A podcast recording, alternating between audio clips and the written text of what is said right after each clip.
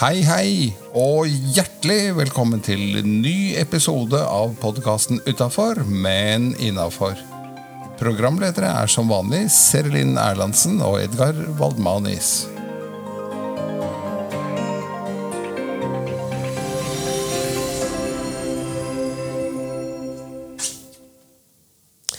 Hei, jeg heter Serlin, og ved min side så har jeg Edgar, Hei, Edgar.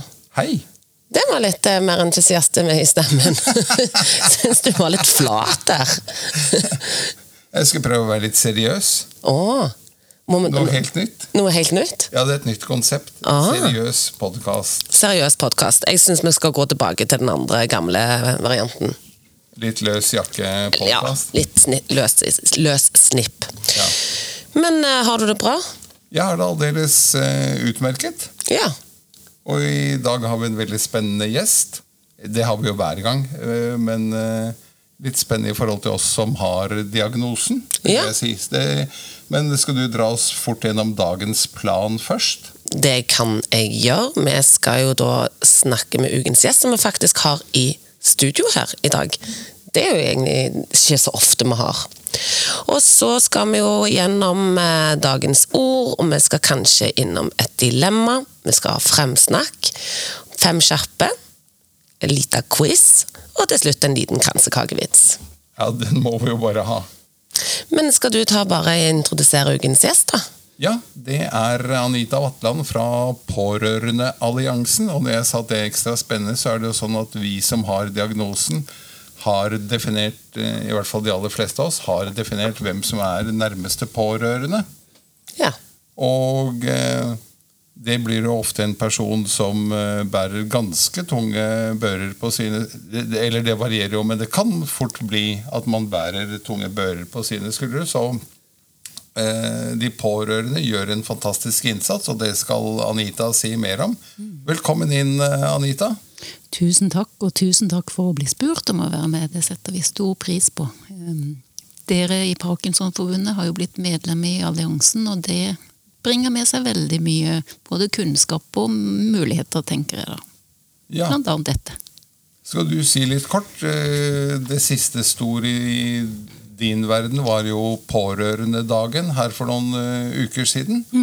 Da feiret dere femårsjubileum. Ja, det gjorde vi. Det er egentlig seks.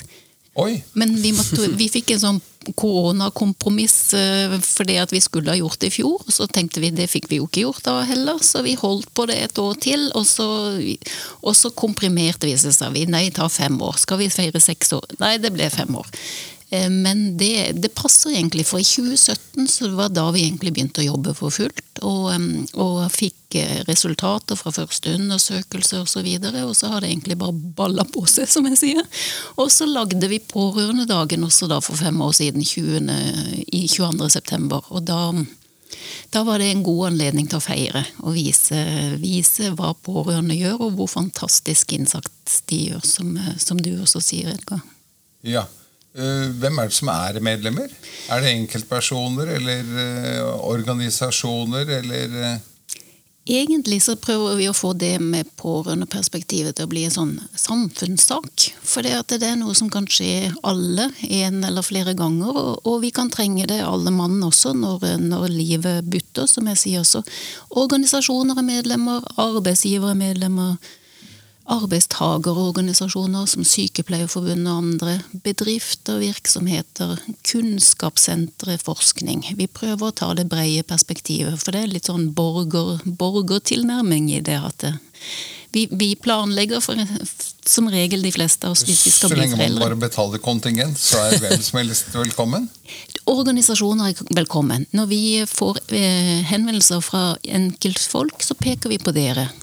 Så sier vi til gå til den organisasjonen, bli medlem der, få fellesskapet der. Så, eh, så vi peker på medlemmene våre for å få hjelp og støtte. Og så jobber vi nasjonalt for det som er likt for alle pårørende.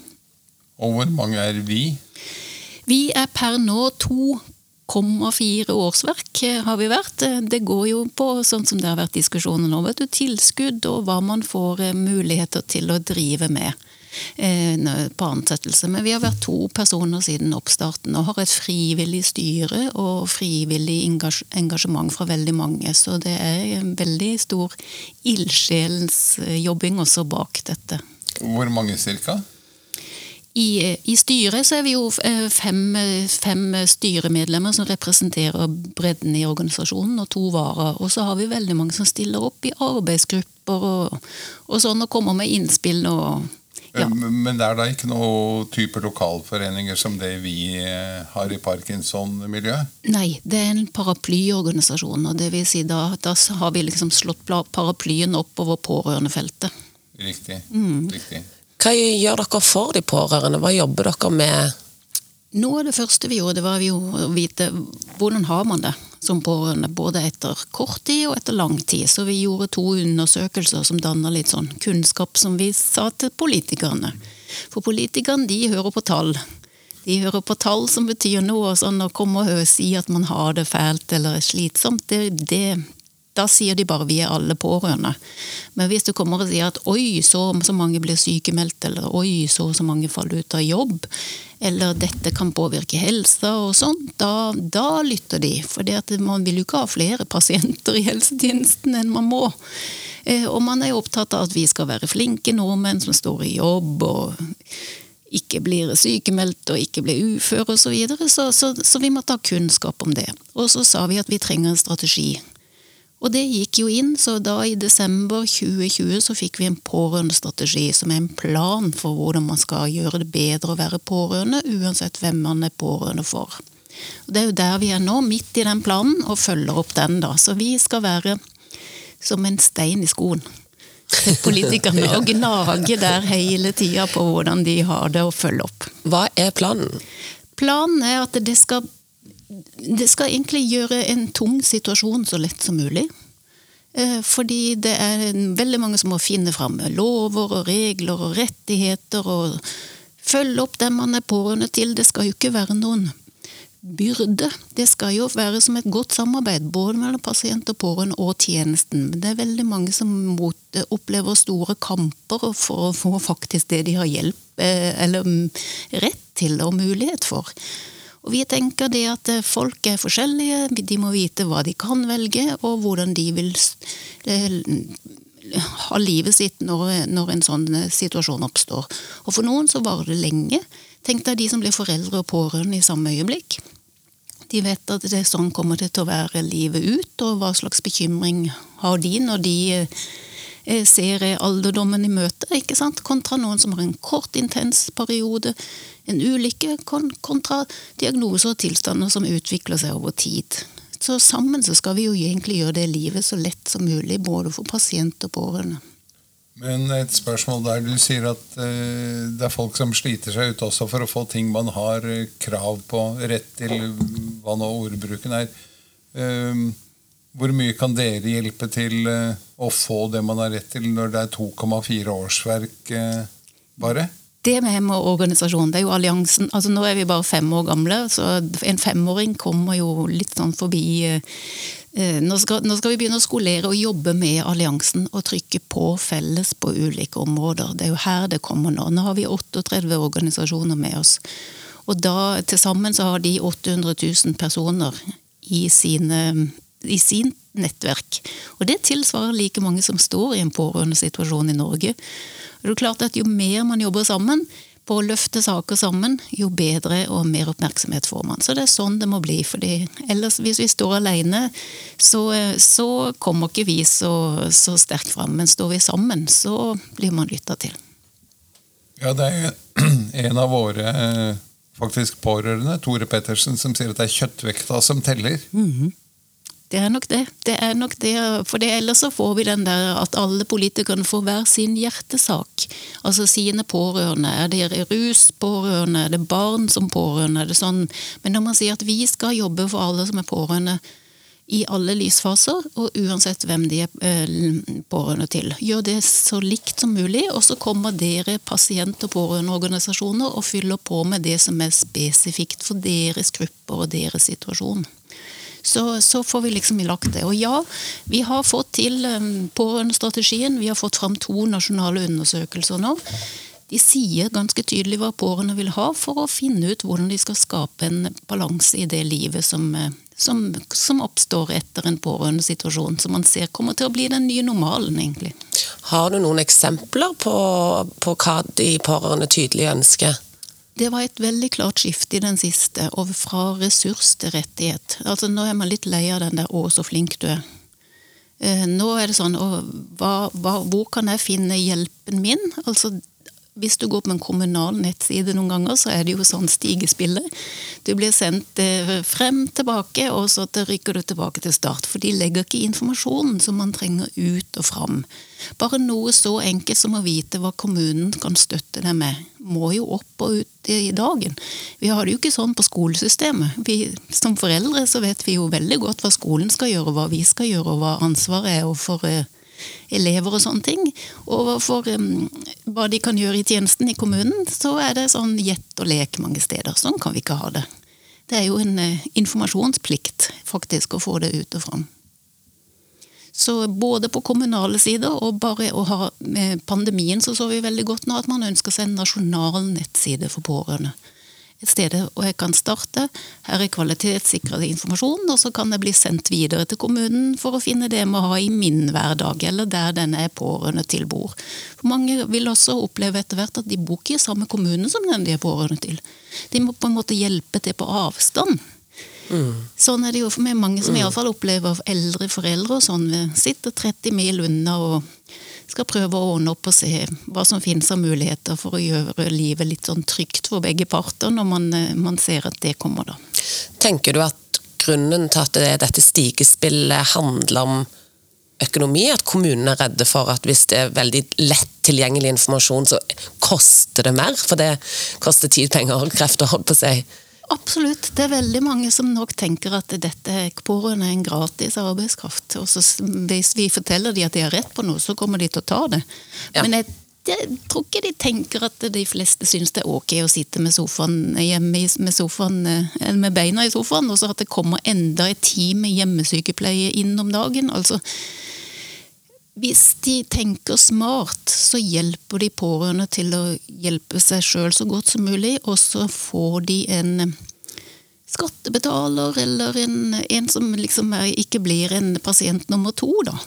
Det er der det tynes altfor lite, fordi at de tenker at vi kan bare la de stå i dette her, og så får de et sånn kurs for å mestre det, og så, og så ender det for mange for lang tid før de setter inn nok og riktig hjelp dessverre.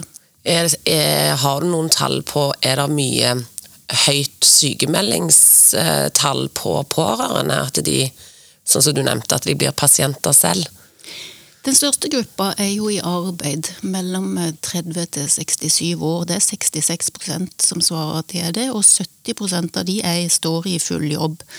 Og det der med å balansere jobb uh, i Norge i dag, så vet vi jo at det er arbeidslinja som teller. ikke sant? Så det er den som legges opp til.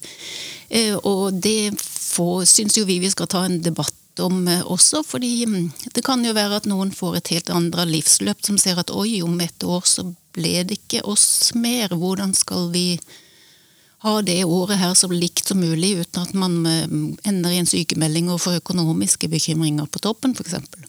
Vi ser jo veldig klart at det er en sånn familisering av omsorgen. Den skyves ut og inn i hjemmene. Og samtidig sier vi at eh, det er jo, det er jo ikke noen hjemme. Det er jo som å være i barselpermisjon. Du så jo bare de med barnevogn eller pensjonister. Alle andre var jo i jobb. Og Da må vi si, da må vi ha noen løsninger for dette, da. For um, når demografien endrer seg nå med å bli såpass eh, smal befolkningspyramide, da, så, så, eh, så, blir dette noe som kommer til å skje de fleste av oss. Og vi må ha en plan for det. Arbeidslivet må ha en plan for det. Staten må ha en plan for det. Vi må egentlig sidestille pårørendeomsorgen med småbarnsomsorgen, for den er minst like verdifull. Og vi ser hvor godt småbarnsforeldre har det i arbeidslivet i dag. Vi må få samme forståelsen for en pårørendesituasjon da. Hvor mange årsverk eh, Det syns jeg husker fra pårørendedagen at dere har regnet ut hvor mange årsverk eh, de pårørende bidrar med? Det er 136 000 årsverk. Og i kommunalt ansatte helsetjenester så er det 142 000. Så det er halvparten av all hjelp og bistand i Norge kommer fra familie, pårørende, venner. Og det er det som er også i dag, at det kan være en nær venn, en tidligere kollega, en nabo som stiller opp på samme måte. Fordi vi endres jo med at vi får færre barn. altså Mine besteforeldre de, de var elleve søsken. Mm. Det, og nå er det 1,7! og det har skjedd på to generasjoner. Ja. Så, så, det blir Da var det naturlig at noen eh, to overtok gården, og mor, bestemor og bestefar i kårstua, liksom, og, og halvparten dro til USA ja. for å få nye muligheter der. Men det, det har jo endra seg nå, da. Så så det blir færre som skal ta vare på hverandre, egentlig, på, og også på avstand. Så. Jeg hører på din dialekt, du bor kanskje ikke i samme by som din mor? Gjør ikke det. Gjør ikke det. Og eh, vi hadde jo Ja, vi har hatt tre altså, skilte svigerforeldre også, som bor i hver, hver sin kommune. ikke sant? Så, så den sida kommer inn, og det blir den nye normalen i et land hvor 200 kommuner opplever fraflytting. Ja. Så, ja. Jeg har tenkt en del på akkurat det, som du sier at uh, tidligere så var det jo uh, Det er kanskje rart å si enkelt, men på en måte var det jo det fordi besteforeldre eller hva, de bodde i, i samme hus på gården. Mm -hmm. Kanskje et nabobygg, da, men fremdeles på det samme gårdstunet. Uh, for å være litt sånn stereotyp her. Mens i våre dager så for det første så bor man langt unna. Og det kan være at foreldrene er skilt. Mm. Så at det igjen, eh, når du da snakker med den ene kommunen og får vite, så er det ikke det samme som gjelder i den andre kommunen, osv. Det er spot on. Det er 380 kommuner, 86 kommuner, og det er 386 forskjellige løsninger. Du kan ikke være sikker på at det som gjelder i en, er likt i en annen. Men de må i hvert fall fortelle hva hva du har for muligheter i, i hver enkelt. Så man kan eh, ta noen sånne valg da, og finne ut at eh, oi, dette her må vi visst løse på andre måter, f.eks. Eller som veldig mange kommer og sier oi, skulle, dette skulle jeg visst om før.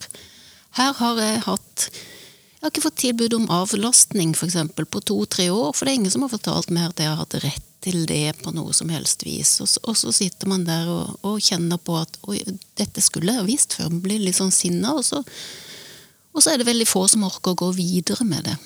Men hvis de orker, så er det for å si at jeg vil at andre ikke skal oppleve det samme. Så Nei, vi, vi har vært litt sånn dårlige til å ta vare på pårørendeomsorgen. Og jeg tenker at uh, Norge var siste land som fikk en sånn organisasjon som oss. Det tror jeg er litt sånn symptomatisk for at vi har hatt en god velferdsstat som har gitt, eh, gitt, mye hjelp og støtte. For vi ser at Norge står eh, halvparten av omsorgen fra familien, men i Europa er det 80 Og jeg sitter i den europeiske pårørendeorganisasjonen og ser hvordan de har hatt det under pandemien. Og da kan vi jo virkelig snakke om at det bare har vært sykehusene som har jobba med, med covid og, og akutt, og så var det alt andre egentlig ble overlatt til familien og frivilligheten. Så, så, så, og der var jo vi for 20 år siden. Og så begynner jeg å tenke, ja, men så begynner vi å sende folk raskt ut og raskt hjem og leve lenger hjemme osv. Samtidig som vi har den høyeste arbeidsdeltagelsen av kvinner og menn i Europa, så er det et gap der som ikke passer helt overens hvis vi ikke lager noen løsninger for den situasjonen. Og hvis en ikke roper høyt. En må rope. Ja.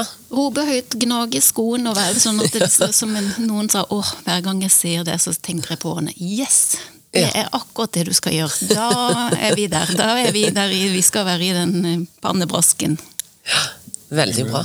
Vi nærmer oss slutten på, på, denne delen. Vi har eh, alltid et utgangsspørsmål. Mm -hmm.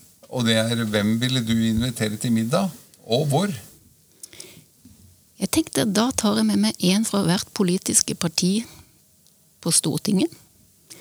Og så går vi ut og sier at nå skal vi finne maten, lage maten og spise maten sammen. Og imens vi gjør det, så diskuterer vi hvordan vi skal lage en tverrpolitisk løsning for dette som egentlig angår alle partiene. Det er ikke veldig mye politikk, det er menneskepolitikk. Og det burde jo være politisk enighet om uansett. Så jeg tenker helsepolitisk person i hvert parti på Stortinget. Det, de kan vi spise middag sammen med. Det blir et eh, bra langbord, vil jeg si.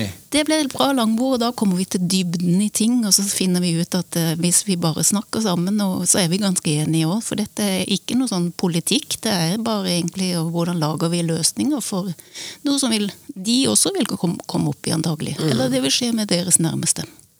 Hvordan prioritere det. For Ja. alle må jo være enige. Alle Til syvende og sist. Ja. Og du vil være, da litt lengre i pannebrasken. Ja, eh, vi må hele tida inn i pannebrasken. Nå har vi hatt to uker hvor vi har ropt eh, løp på Stortinget i alle komiteene. Er der er jo demokratiet fantastisk, at du kan komme inn og snakke rett til politikerne sånn i Norge. Så vi, vi har det fint sånn sett. Bra. Bra. Du skal være med eh, videre utover i episoden nå, men vi gjør et lite eh, brekk før eh, dagens eh, ord. Ord for dagen, som du skal bidra med, Serlin.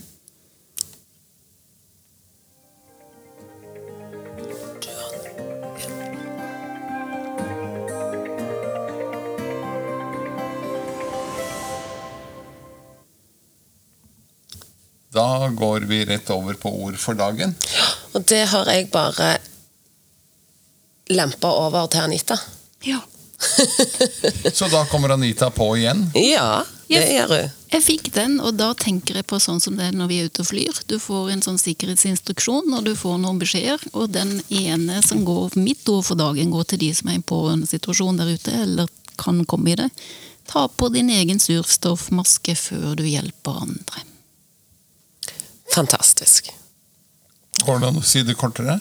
Nei, tenker det er helt perfekt, jeg. Utrolig. Så derfor så tenker jeg at jeg skal gå over til det tipset som vi skal gi i dag. Ja. Så eh, det, Jeg kommer til å bruke litt lengre tid, da, for jeg må forklare det litt. Jeg, har, eh, jeg bruker jo ofte å komme med tips som jeg egentlig har litt sånn eh, Min ukes eh, tips til mine klienter òg. Og denne uken så prøver jeg å fronte og fremme dette med valg, for det er ganske mange som sliter med å ta valg. La oss ta eksempel, Det kan være alt fra hva du skal ha til middag, men det kan òg være store valg, som f.eks. om du skal ta en hjerneoperasjon. Altså, Hvis vi tenker Parkinson-gruppen. Ja. Og da har jeg et tips som jeg liker veldig godt, hvis du sliter med å ta valg. Det er at f.eks. hvis vi tar den operasjonen, så kan du tenke skal eller skal ikke. Så skriver du det på to lapper, så tar du det oppi en bolle, så rister du, og så trekker du en lapp. Og når du åpner det og sier at det står 'skal ikke', og så kjenner du åh, jeg ville egentlig hatt den andre lappen, jeg. Så vet du, da er det det som er rett. Så slipper du. Og det er en fin måte å kjenne på magefølelsen, hvor riktig den er. Så ta to lapper oppi en bolle, kjenn etter om den lappen du trakk var det du ønsket og håpte på. Så hvis det er det andre, så var det det som var rett. Og hvis du fikk den du bare Ja, det var den jeg ville ha. Da det var det som var riktig. Så det er mitt tips. Ja. Det var ikke verdens verste, det. Så det kan du òg bruke, Anita. Det kan jeg. Det var egentlig et veldig, veldig sånn eh, praktisk tips på veldig mange måter. Ja, og det er mange ganger med Noen har jo en personlighet som sliter mer med å ta valg, med, og andre syns det er enklere. Men av og til så stå, kommer alle opp i en situasjon hvor valg kan være veldig vanskelig. Hvis det, I hvert fall hvis det er store og litt avgjørende valg. Og det å gi råd til andre, der var det godt som råd. For jeg prøver å si stol på, stol på magefølelsen. Mm, ikke sant? Og så skal vi ha fem kjappe. Ja. Hvem eh, spør? Du spør? Jeg spør, og jeg vil egentlig at begge to skal svare. Så jeg kan begynne med at du svarer, Edgar, og så går jeg over på Anita. Ja, da er jeg Så spent på disse her, for de pleier å være litt vriene. Så da er det, du må velge en enten-eller. Så jeg spør, sang eller dans? Dans. Sang. En av hver. Sushi eller burger? Burger. Sushi. det er bra. Kaffe eller te? Te. Kaffe. Bra. Karriere eller familie? Den satt hardt i noe som ikke ser her. Den er vanskelig. Den er nesten et dilemma. Det vil jeg si, og jeg holder nok på familie.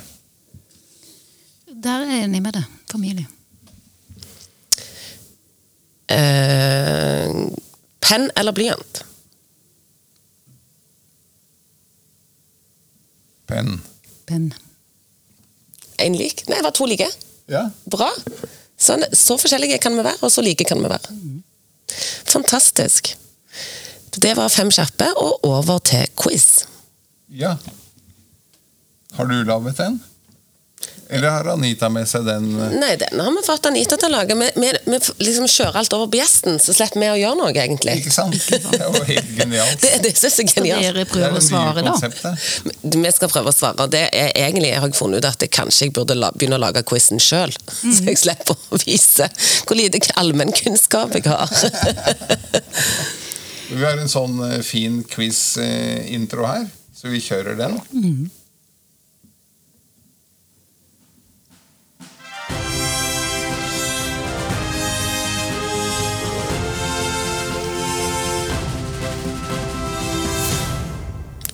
Kjenner at prestasjonsangsten øker i takt med, med, med sangen. har vi noe tema, Anita, for quizen, eller er det Jeg er jo litt sånn kjedelig, så jeg holder meg jo gjerne til det jeg blir kom, invitert for å snakke om, men så tar jeg ett overraskelsesspørsmål. Ja. Yes. Men jeg begynner på noe jeg sa. Hvilken dato var det som var pårørendedagen i Norge? Må det ha vært noe nettopp? Snakket du ikke om for to uker siden at jeg begynte i hvert fall i gangene Vet du hva? Nei. Korttidshukommelsen. Jeg syns du sa 22. september. Det er helt riktig. Ta-da! Gjelder det å følge med, skjønner du, Sirilin. Ja, Men to uker siden er vel ikke så gale, det heller? Nei da, det er veldig bra opp, men godt lytta. Så kommer spørsmålet. Har du rett til noe som kalles omsorgslønn i Norge, hvis du skal passe på noen voksne? Det trodde jeg. Jeg er ganske sikker på om det er ganske vanskelig å få tak i, tror jeg. Jeg tror du har en sånn visst timeantall i uken, om det er sånn åtte-ti timer i uken. Kan det stemme? Eller hva tror du? Jeg eh, tenkte jeg skal være helt stille nå, så kunne du løpe av gårde med poenget. Ikke sant? Eller Du gir den til meg, men da følte jeg ikke jeg fikk den allikevel. Du må ikke si sånn. Veldig godt eh, resonnert. Eh, det, det var noe som het omsorgslønn, men det skifta faktisk navn til stønad. I 2017. Det var et sånt smart politisk grep, for lønn, vet du, da er man ikke da er man arbeidstaker, og det er man ikke hvis man får en stønad. Nei. Eh, Så, så du har rett til det, og så er det 22 timer som er utgangspunktet. Det vil si at du hjelper 22 timer eller uka i mer eh, i uka, før du eventuelt kan vurderes å få det. Ah. Ja, 22 timer i uken hver uke. hver uke. Oi. Men du får ikke betalt for det. Du må dokumentere at du hjelper mer enn 22 timer for å kunne da få hvor mange timer For å kanskje få for de fem-seks timene over de 22 timene. Ja, det var det jeg trodde. At det var ganske lavt tall. Ja. Til en timesats som er lønnstrinn 1 i kommunen for øvrig. Ja. Ja, så det er um, Det er slik og ingenting, kalles det. Det er eh, kompensasjon. Ja, ikke sant. Men derfor er det jo kanskje litt greit at det gikk fra lønn da, til stønad. For det ville vært nesten litt sånn frekt å kalle, Frekt. å kalle det lønn. Det, det sier vi òg. Sosial dumping kalte vi det. Ja. Em, hvordan er det når vi nå blir flere eldre? Blir det da også flere pårørende? Ja. Det blir jo flere pårørende, men det betyr ikke at det er nødvendigvis er gode pårørende. Eller. Nei. Eh, Det blir jo flere pårørende, men det betyr ikke at det er pårørende. At vi lever jo kanskje i en tid Jeg håper det går litt tilbake igjen til sånn at vi blir enda flinkere. Men det kan jo være gå andre vei. Jeg vet ikke om dere har tall på det, forresten. Det blir flere eldre, men det blir færre yrkesaktive. Så det blir færre pårørende fremover. Ja. For nå har vi hatt ni, ni yrkesaktive per pensjonist, men det kommer til å bli 4,7. Hvorfor det? Barnetallene som går nedover etter krigen, som vi snakka om. Ja. det, det, det kan være at vi blir færre pårørende med pårørende til flere. Med større, altså færre pårørende med større ansvar. Mm, med flere som, som kommer til å trenge, mm. trenge bistand.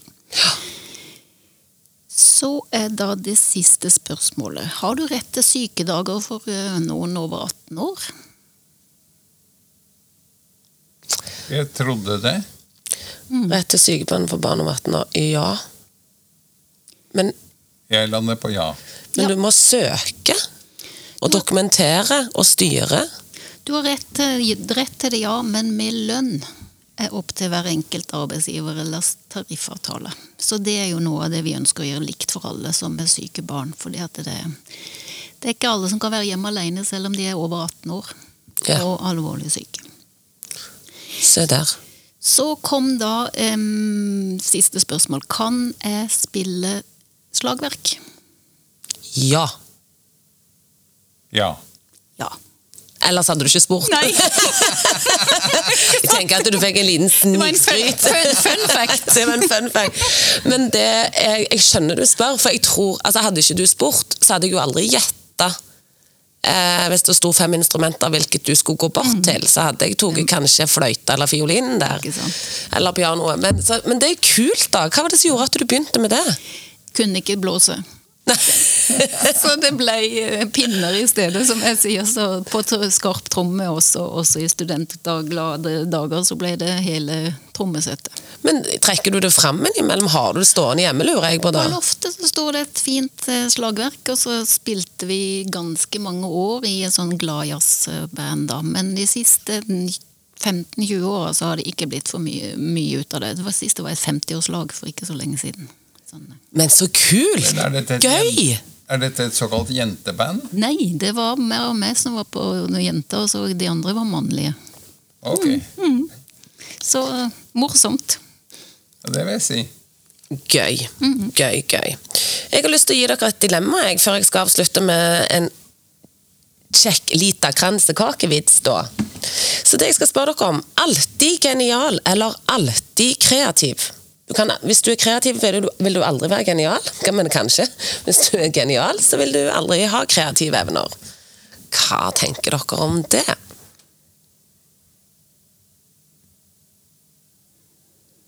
Jeg eh, velger kreativ. Hvorfor det? Hva er det som gjør at du det er det jeg er. ikke genial? Nei, jeg tror ikke jeg er så ofte genial, jeg. Og det Nei. kan jeg for så vidt eh, leve uten. Det kan du leve uten. Hva tenker du, Anita? Jeg må nok også si kreativ, altså, for de geniale de tror jeg blir litt ensomme.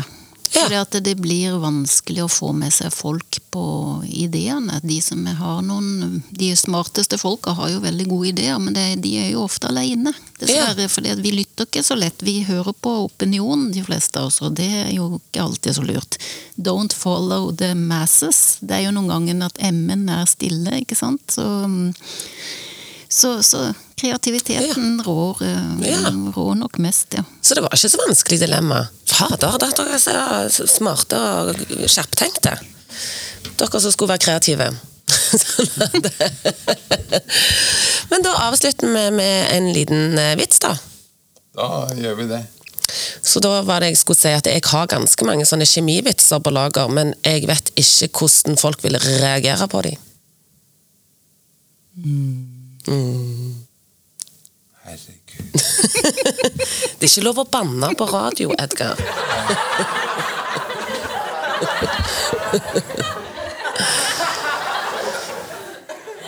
Anita lo. Bra. Tusen Da fikk du en, eh, en latter på boks som takk for, eh, takk for den. Jeg vet du hva, alle, alle eh, bekker små. Ikke tenk på det. Tusen takk for at du var med. Tusen takk for at jeg fikk komme med. Vi er, vi er glad for um, muligheten til å snakke om dette, og, og, og tenker at eh, ja, ta på den oksygenmaska og finn hjelp i pasient- og pårørendeforeninger. Det er det, noe av det viktigste du kan gjøre i den forbindelse. Flott. Og det var alt i denne episoden av podkasten Utafor, men innafor. Takk for at du var eh, med oss, og på hjertelig gjenhør.